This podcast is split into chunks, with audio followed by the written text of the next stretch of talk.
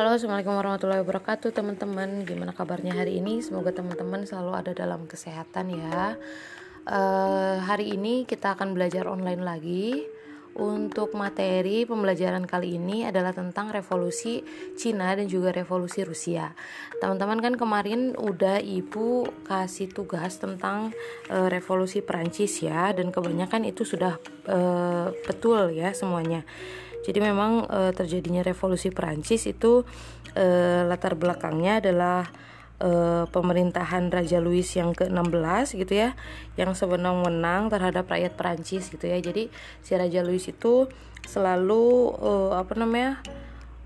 zolim gitu ya intinya zolim kepada rakyatnya kenapa karena ketika rakyatnya sedang kelaparan mereka malah bersenang-senang di istana kemudian mereka mengadakan uh, wine party gitu kan misalkan uh, pesta-pesta gitu. Kemudian uh, istrinya juga selalu menghambur-hamburkan uh, uang negara gitu dengan cara berbelanja dan lain sebagainya gitu ya. Nah itu tentang latar belakang revolusi Prancis gitu ya. Bahkan pada akhirnya uh, apa namanya pada akhirnya Raja Louis ke-16 itu dipenggal gitu ya dengan uh, apa namanya dengan alat yang bernama guillotine gitu ya. Kalau teman-teman uh, apa searching di YouTube teman-teman tinggal searching di dengan keyword Raja Louis 16 atau guillotine gitu. Nanti teman-teman akan lihat gimana sih uh, alatnya kayak gitu. Jadi kayak misalkan alat pancung ya teman-teman. Jadi nanti kepalanya di ya dipancung lah intinya gitu ya. Nah itu akhir dari revolusi Prancis gitu ya karena untuk meniadakan eh, apa namanya pemimpin yang zolim ya. Nah untuk latar belak eh, untuk materi berikutnya itu tentang eh, revolusi Cina. Teman-teman bisa uh, sambil buka buku ya dan menuliskan hal-hal yang penting ya. Nah, untuk uh, revolusi Cina, revolusi Cina itu uh, merupakan gejolak politik di Cina yang terjadi pada tahun 1911 sampai dengan 1949 gitu ya. Nah, untuk di Cina sendiri uh, di Cina sendiri itu melakukan atau terjadi beberapa kali revolusi ya. Setidaknya ada tiga kali revolusi. Apa aja? Nah untuk yang pertama ya revolusi pertama itu terjadi pada tahun 1911 gitu ya. Apa sih bu latar belakangnya? Nah untuk latar belakang revolusi pertama yang terjadi pada tahun 1911 itu eh, adapun latar belakangnya adalah hilangnya kepercayaan rakyat Cina terhadap eh, dinasti Qing gitu ya apa ini dinasti Qing bu dinasti Qing itu adalah dinasti atau kerajaan yang dipimpin oleh suku Manchu suku Manchu atau suku Manchuria itu adalah salah satu suku terbesar yang ada di Cina saat ini. Tapi zaman dulu si suku Manchuria ini adalah orang luar dari Cina gitu. Walaupun sekarang di Cina itu banyak nih suku Manchuria gitu ya.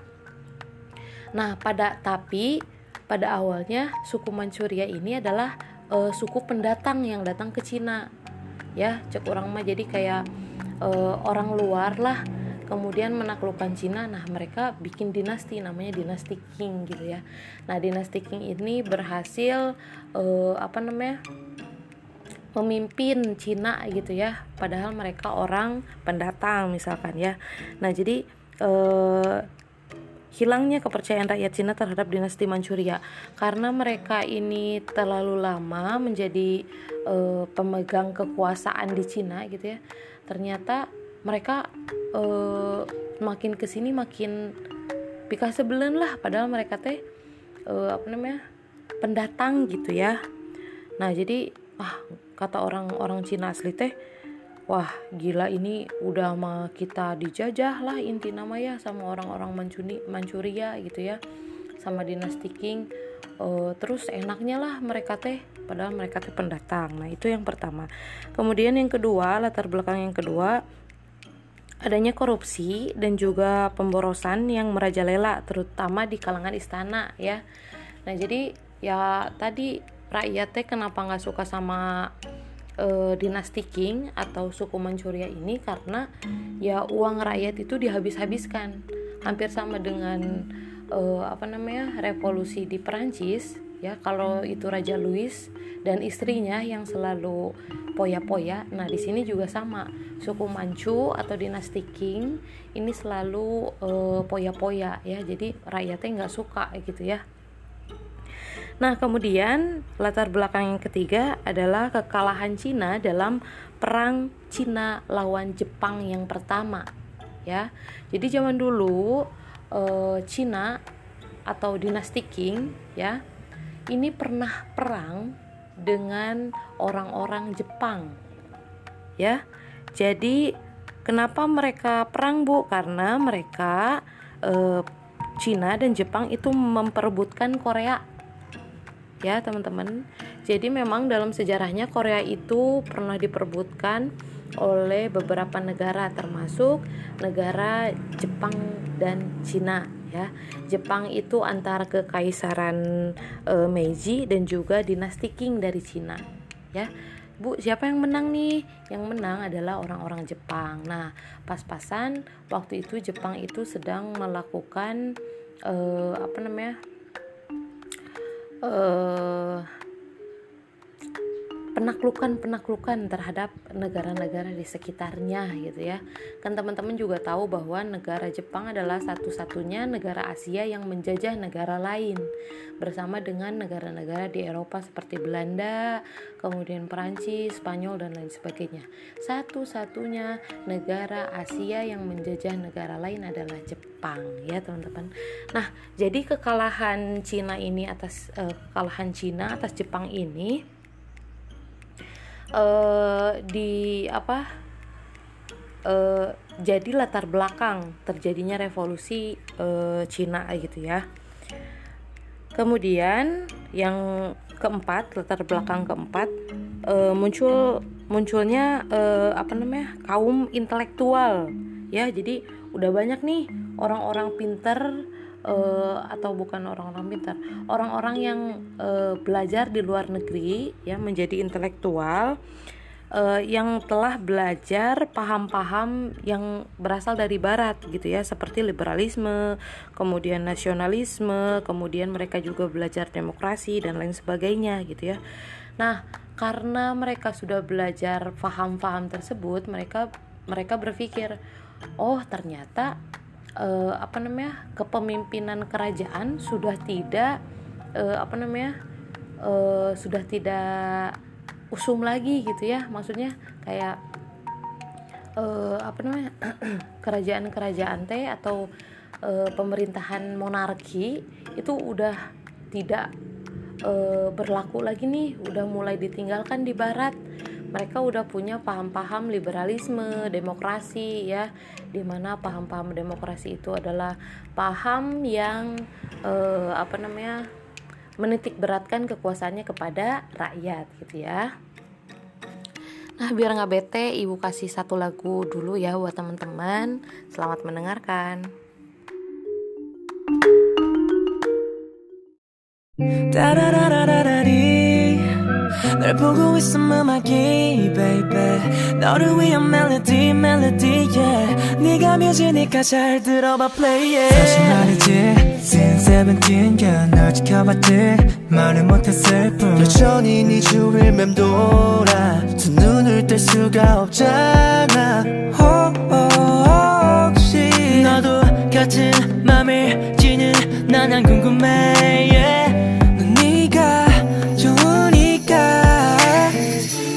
눈빛은 들려. You already know 너도 원한다는 걸 네가 미소가 번지니까. 그걸 보니까 보니까 니까 니가. 내가 말했었잖아. You already know. 네가 맘에 드는 걸 네기 머리 날리니까. 그걸 보니까. 보니까 니까 니가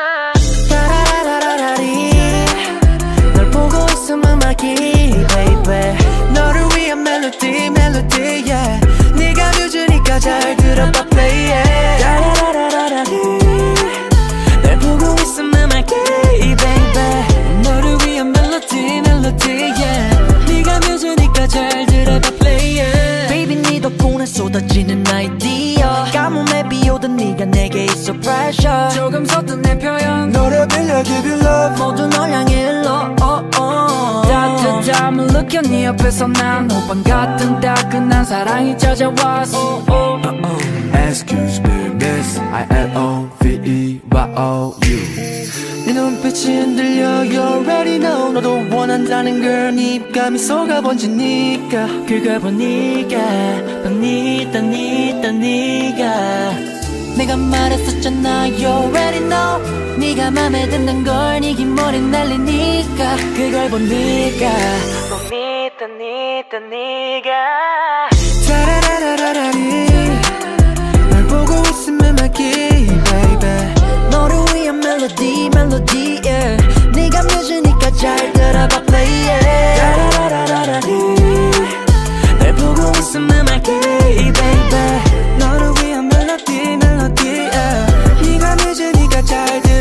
들어봐 play it 처음 느껴보는 love like this Give me love like this Show you love like this yeah 따라 불러줘 let's sing like this So sing with me 한 번 더 ayo Can you feel my heartbeat 기다리고 있잖아 너에게 닿길 바래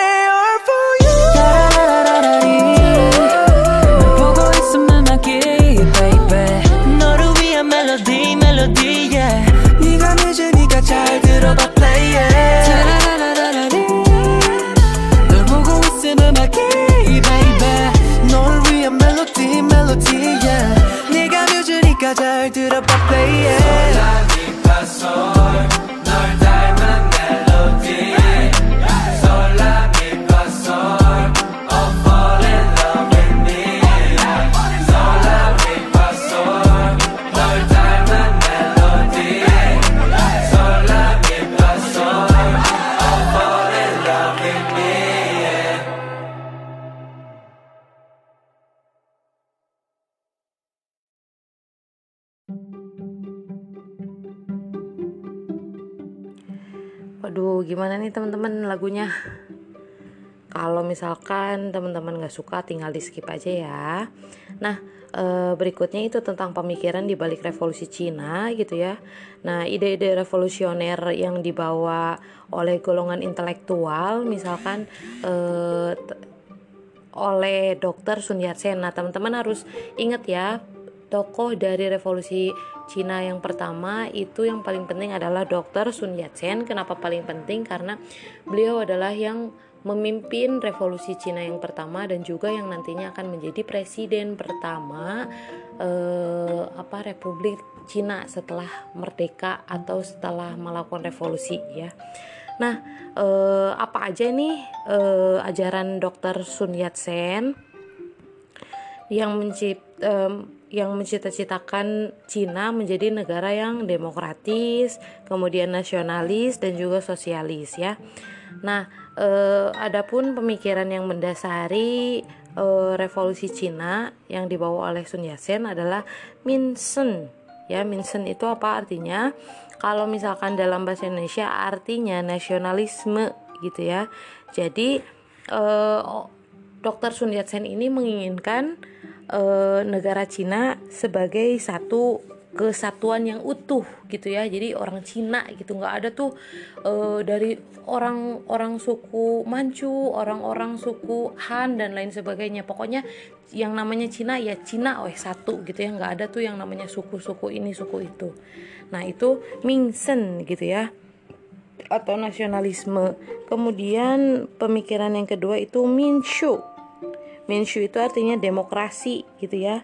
Artinya eh, Sun Yat-sen menginginkan bahwa kekuasaan eh, kekuasaan tertinggi ada dalam eh, tangan rakyat gitu ya. nggak ada tuh yang namanya raja atau pemimpin pemimpin yang eh, yang dia dipilih melalui eh, garis keturunan udah nggak ada. Pokoknya semua eh, apa namanya? Semua kekuasaan tertinggi ada pada da- pada rakyat yaitu demokrasi ya.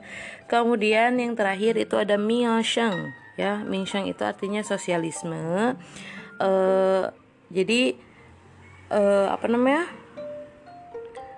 Sun Yat-sen ini uh, menginginkan kesejahteraan rakyat gitu ya teman-teman jadi uh, kehidupan yang sejajar sejajar semuanya. Nggak ada yang namanya yang nggak ada yang namanya orang kaya orang miskin kemudian ada raja kemudian ada rakyat bawah nggak ada. Pokoknya semua derajatnya sama ya. Nah jadi itu latar belakang pemikiran dari revolusi Cina ya teman-teman.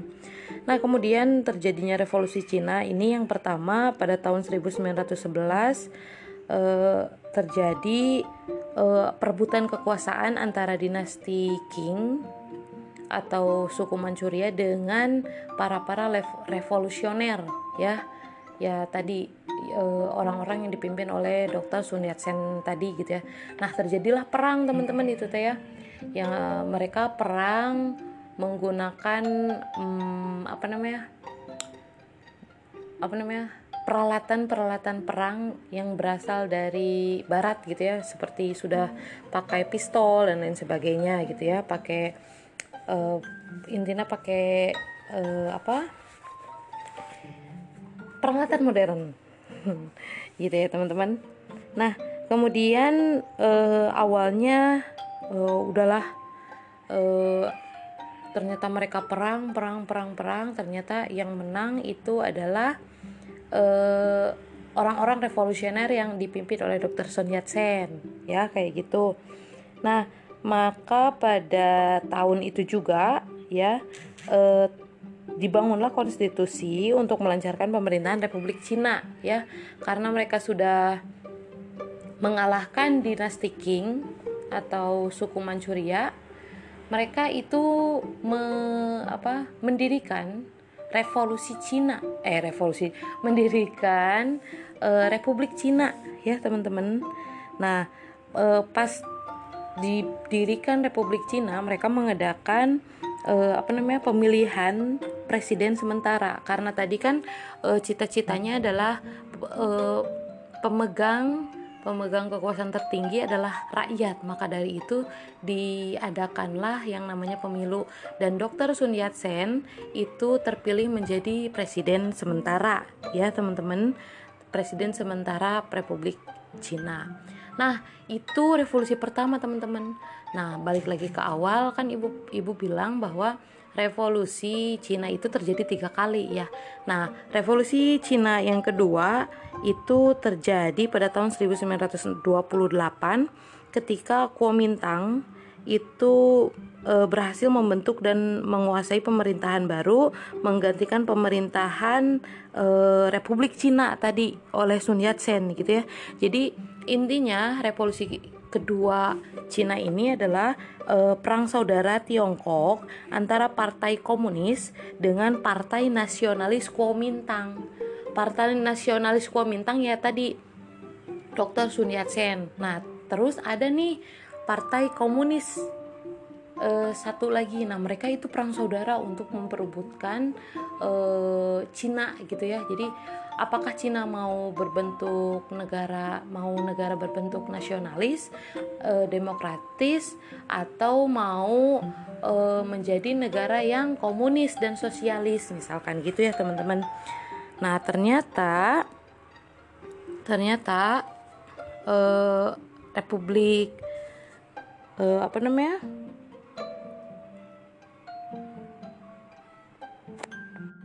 Nah ternyata teman-teman uh, Republik Kuomintang uh, nasionalis ya yang menang.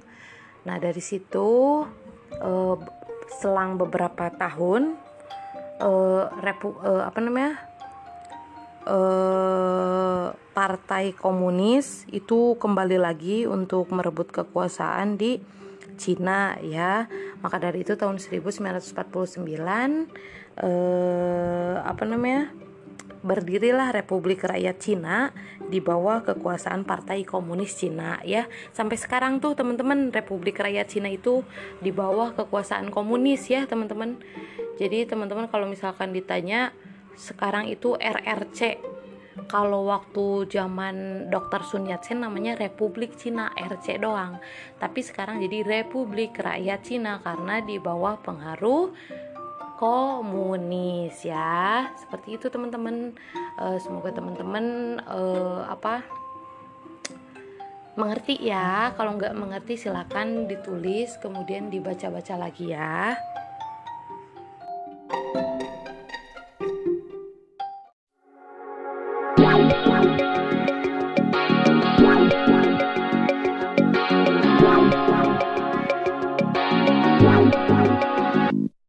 Yeah. Why you call?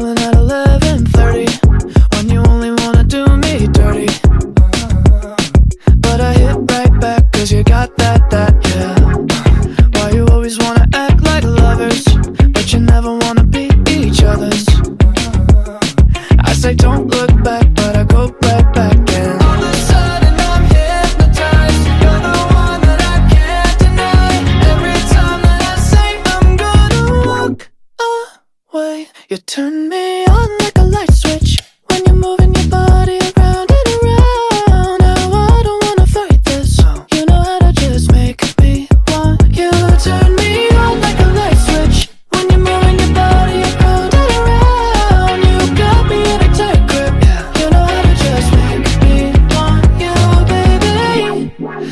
love it when you keep me guessing, me guessing. When you leave and then you leave me stressing, me stressing.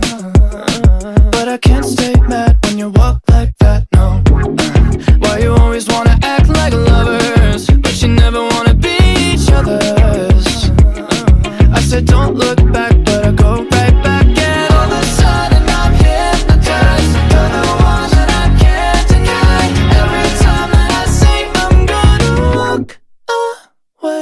turn me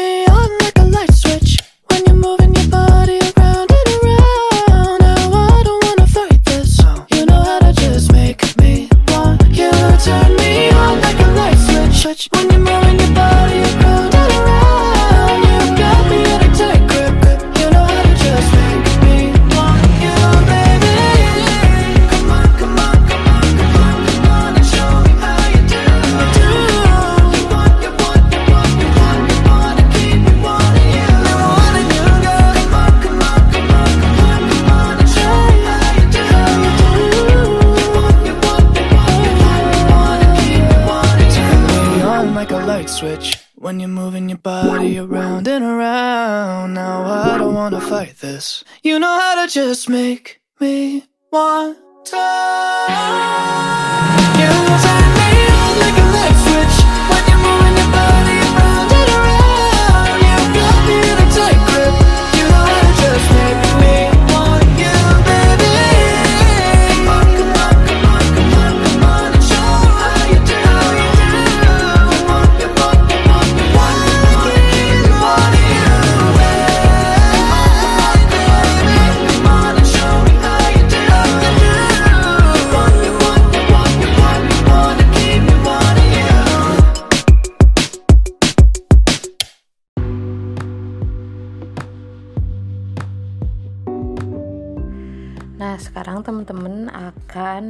Belajar ke revolusi berikutnya yaitu revolusi Rusia.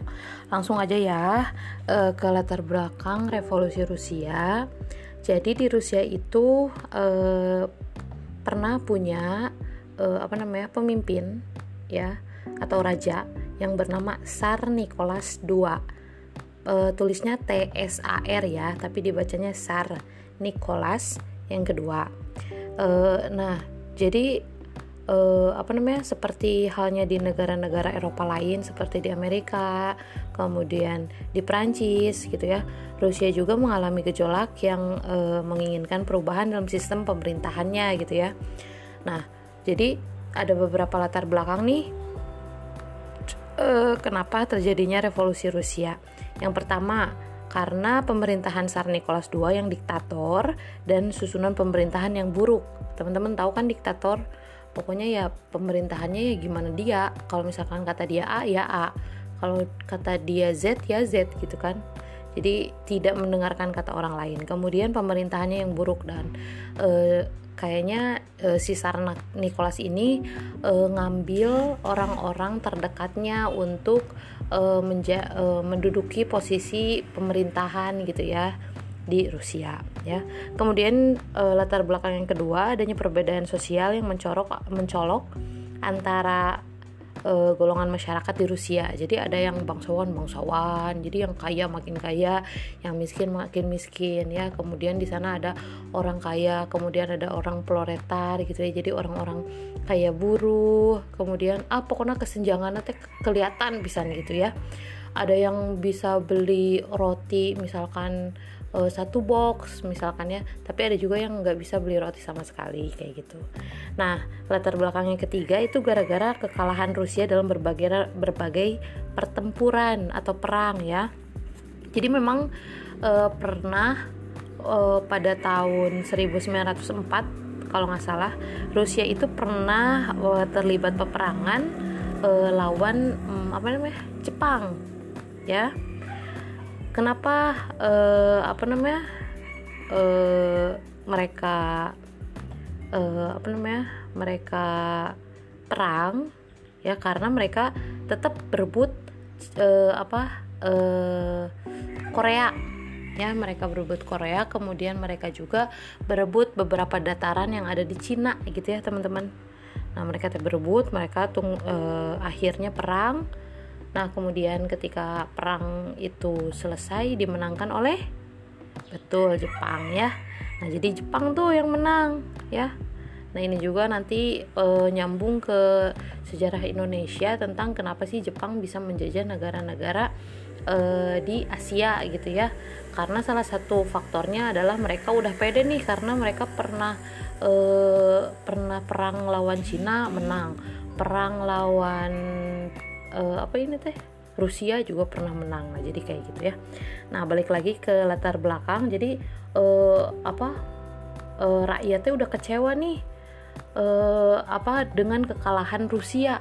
Kan teman-teman tahu ya bahwa orang-orang putih itu menganggap bahwa orang-orang di luar ras mereka adalah orang-orang yang hina, orang-orang yang lemah gitu. Makanya orang-orang Rusia bahwa uh, apa namanya? Percaya bahwa ketika kita dikalahkan oleh orang-orang yang e, rasnya di bawah kita kita tuh udah nggak ada harga dirinya cina gitu kata orang-orang Rusia teh. Nah jadi orang-orang orang-orang Rusia teh pada marah tuh masa kita kalah senah sama apa namanya sama orang-orang yang rasnya lebih rendah dari kita. Nah kayak gitu ya. Jadi itu juga salah satu faktor kenapa San Nicholas ingin e, digulingkan gitu ya, tidak ingin menjadi raja lagi oleh rakyat gitu ya.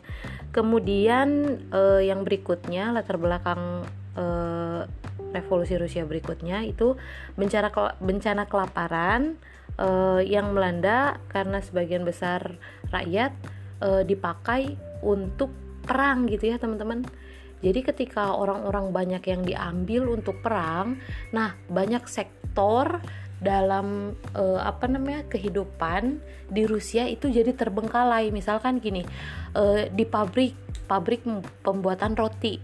Nah, misalkan ada 30 orang uh, apa pegawai laki-laki. Nah, 30 pegawai orang 30 orang pegawai laki-laki tersebut diambil semuanya untuk uh, diikutkan perang melawan uh, musuh-musuhnya Rusia gitu ya. Nah, ketika produksinya menurun berarti kan apa kebutuhan kebutuhan masyarakatnya itu wah ke mana lagi nih roti biasanya misalkan sehari bisa bikin seribu roti tapi sekarang karena diambil nih 30 orang jadi uh, apa namanya jadi cuman 100 roti. Kan tuh 900 roti ke mana? Misal bukan ke mana sih jadi tidak terproduksi. Jadi gitu ya teman-teman. Jadi ada kesenjangan nih di uh, apa sektor-sektor kehidupan yang lain gitu. Karena banyak uh, pria yang diambil untuk dijadikan prajurit perang gitu ya teman-teman. Nah, jadi sebenarnya revolusi Rusia juga terjadi dua kali ya teman-teman. Kalau misalkan tadi Cina tiga kali, Uh, tapi di revolusi Rusia itu terjadi dua kali yaitu tahun 1905 kemudian tahun 1917 dua-duanya terjadi pada saat kekuasaan Tsar Nicholas kedua ya nah untuk revolusi Rusia 1905 itu uh, apa namanya uh, latar belakangnya ya tadi gara-gara uh, kalah dari si Jepang. Kemudian ada juga tragedi Minggu Berdarah. Apa itu tragedi Minggu Berdarah, teman-teman?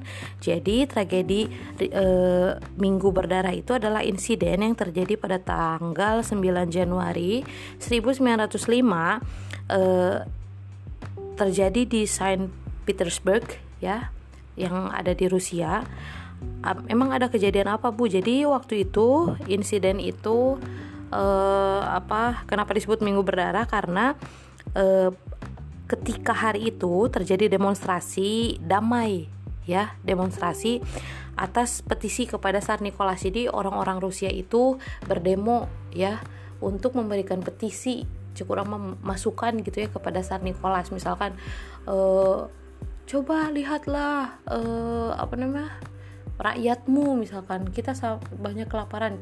Padahal aksi damai gitu ya. Cuman beberapa saat kemudian mereka ditembaki oleh uh, para penjaga kenegaraan. Jadi oleh penjaga uh, kenegaraan itu mereka banyak yang ditembak. Nah makanya disebut sebagai insiden minggu berdarah ya. Ratusan orang itu meninggal berdasarkan uh, pengakuan uh, pemerintahan Rusia saat itu ya dalam arti pemerintahan Rusia Tsar Nicholas gitu ya bilang bahwa ratusan hanya ratusan orang yang uh, ditembak ya dan juga tewas di tempat. Tapi untuk para demonstran sendiri mereka mengaku bahwa kurang lebih 4.000 orang itu mengikuti demonstrasi dan kurang lebih ribuan orang juga tewas pada kejadian itu ya. Nah, jadi ternyata uh, apa namanya? si revolusi Rusia 1905 ini uh, gagal nih teman-teman. Gagal kenapa gagal? Karena Tsar Nicholas tetap tidak mengundurkan diri dari jabatannya sebagai raja Rusia gitu ya teman-teman. Tapi pada revolusi Rusia ini menghasilkan e, pembentukan Duma. Apa itu Duma? Yaitu organisasi parlementer gitu. Tapi ketika ada Duma ini atau organisasi parlementer tetap yang namanya kekuasaan presiden bukan presiden, kekuasaan raja itu absolut dan diktator. Jadi ya kata raja A ya A gitu kata raja B ya B misalkan kayak gitu ya teman-teman nah karena dianggap ah namun gening pembentukan Duma tidak berefek apa-apa untuk masyarakat nah terjadilah revolusi kedua ya e, 12 tahun kemudian terjadi revolusi Rusia tahun 1917 ya Nah, ini ngapain sih Bu tahun 1917? Nah, kalau 1917 itu ada pemimpinnya. Pemimpinnya siapa Bu namanya? Nah, pemimpinnya itu bernama Vladimir Lenin. Ya. Bukan Vladimir Putin. Putin itu presiden sekarang, tapi ini Vladimir Lenin, ya teman-teman. Nah, jadi uh, waktu itu uh, apa terbentuk nih partai partai Menshevik ya jadi si Lenin itu punya partai nama partainya partai Menshevik nah partai Menshevik ini eh, apa mempunyai visi dan misi untuk mewujudkan cita-cita rakyat Rusia waktu itu ya. Ingin menggulingkan Tsar Nicholas ingin kehidupan yang baik ingin tidak ada kelaparan dan lain sebagainya gitu ya. Nah jadi eh, apa partai Menshevik ini berusaha untuk eh, apa namanya untuk e, mewadahi ya mewadahi rakyat Rusia gitu ya yang udah sakit hati sama pemerintahan kerajaan gitu ya teman-teman. Nah e, nah e, apa namanya? Oh teman-teman salah ya tadi. Nama partainya Bolshevik ya bukan Menshevik ya. Kalau Menshevik itu e, pemerin, e, partai pemerintah, tapi kalau Lenin itu dari partai Bolshevik ya teman-teman. Mohon maaf. Nah jadi e, waktu itu partai Bolshevik ingin e, Rusia menjadi negara yang mempunyai kelas sosial. Intinya Bolshevik ingin Rusia itu menjadi e, apa namanya negara komunis pertama. Makanya teman-teman, kalau teman-teman ditanya, emang negara komunis pertama apa sih? Bukan Cina ya teman-teman, tapi negara komunis pertama adalah Rusia ya. Terus Ibu si Lenin itu kenapa bisa jadi komunis karena dia merupakan uh, apa namanya? Uh, murid murid dari yang namanya uh, Karl Marx ya. Karl Marx itu siapa Bu? Karl Marx itu adalah uh, apa namanya? Uh, seseorang atau orang ya yang bernama Karl Marx itu menyusun sebuah teori besar yang berkaitan dengan sistem ekonomi, sistem sosial dan sistem politik ya. Nah, jadi intinya Karl Marx ini yang mencetuskan uh, apa apa namanya komunisme ya pokoknya yang sama rata sama rasa seperti itu ya kayak gitu teman-teman jadi dua kali nah kalau misalkan untuk pengaruh revolusi Rusia salah satunya itu menyebarnya paham komunis ke seluruh dunia termasuk e, ke Indonesia. Jadi zaman dulu memang eh, orang-orang apa namanya? orang-orang Indonesia banyak tuh yang masuk komunis ya bahkan wallahu alam sampai sekarang mungkin pemikirannya masih ada cuman memang organisasinya nggak ada karena organisasi komunis adalah organisasi terlarang tapi yang namanya pemikiran itu pasti tidak akan mati ya teman-teman. Jadi walaupun organisasinya nggak ada pasti pemikirannya ada ya. Nah jadi eh, apa salah satu pengaruh dari revolusi Rusia adalah masuknya pengaruh komunis ke Indonesia. Bukan hanya ke Indonesia tapi juga ke Cina, kemudian ke Korea Selatan dan lain sebagainya, Vietnam, kemudian Kamboja dan lain sebagainya ya teman-teman. Jadi banyak tuh negara-negara komunis e, sampai sekarang seperti Korea Utara, kemudian Cina itu termasuk komunis karena mereka e, apa setuju atau apa mengikuti uh, ajaran dari si Lenin. Sedangkan si Lenin si Lenin uh, mengikuti ajaran dari Karl Marx. Ya kayak gitu teman-teman. Nah teman-teman mungkin sekian dulu ya. Ini uh, beres untuk revolusi revolusi yang ada di dunia karena revolusi Indonesia udah ibu jelaskan awal ya. Jadi uh, jadi sedikit aja lah revolusi Indonesia itu ada revolusi fisik dan juga ada revolusi non fisik kalau revolusi fisik itu uh, apa namanya berupa perang-perangan ya bisa perang Medan Area, perang Bandung Lautan Api, kemudian perang Ambarawa dan lain sebagainya. Tapi ada juga tentang uh, revolusi uh, non senjata gitu ya dengan cara ber, berdiskusi atau berunding dan lain sebagainya gitu ya teman-teman. Nah mungkin sekian pembelajaran kali ini. Uh, terima kasih atas perhatiannya. Semoga teman-teman sehat selalu. Silahkan dengarkan sampai akhir ya. Terima kasih atas perhatiannya. Wassalamualaikum warahmatullahi wabarakatuh.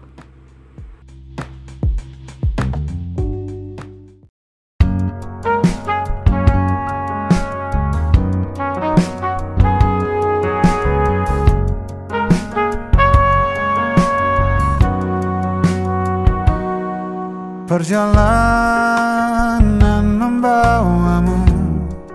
Bertemu denganku Ku bertemu kamu. Sepertimu yang ku cari Konon aku juga. Seperti yang kau cari. Ku kira kita asam dan garam dan kita bertemu di belanga Kisah yang ternyata tak seindah itu.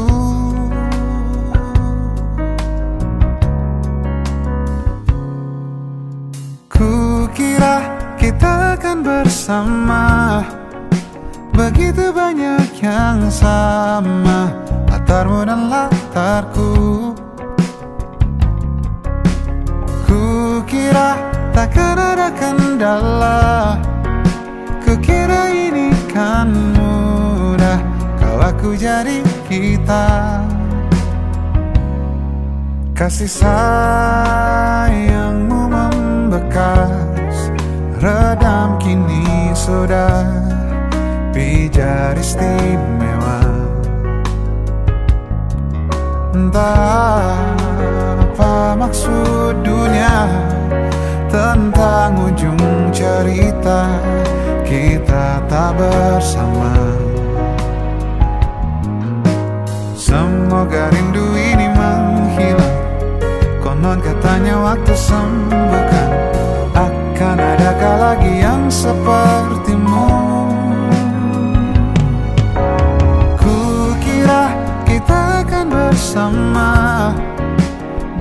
banyak yang sama Latarmu dan latarku. Kukira takkan ada kendala Kukira ini kan mudah Kau aku jadi kita.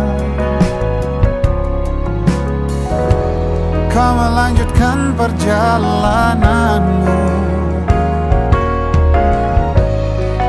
Lanjutkan perjalanan.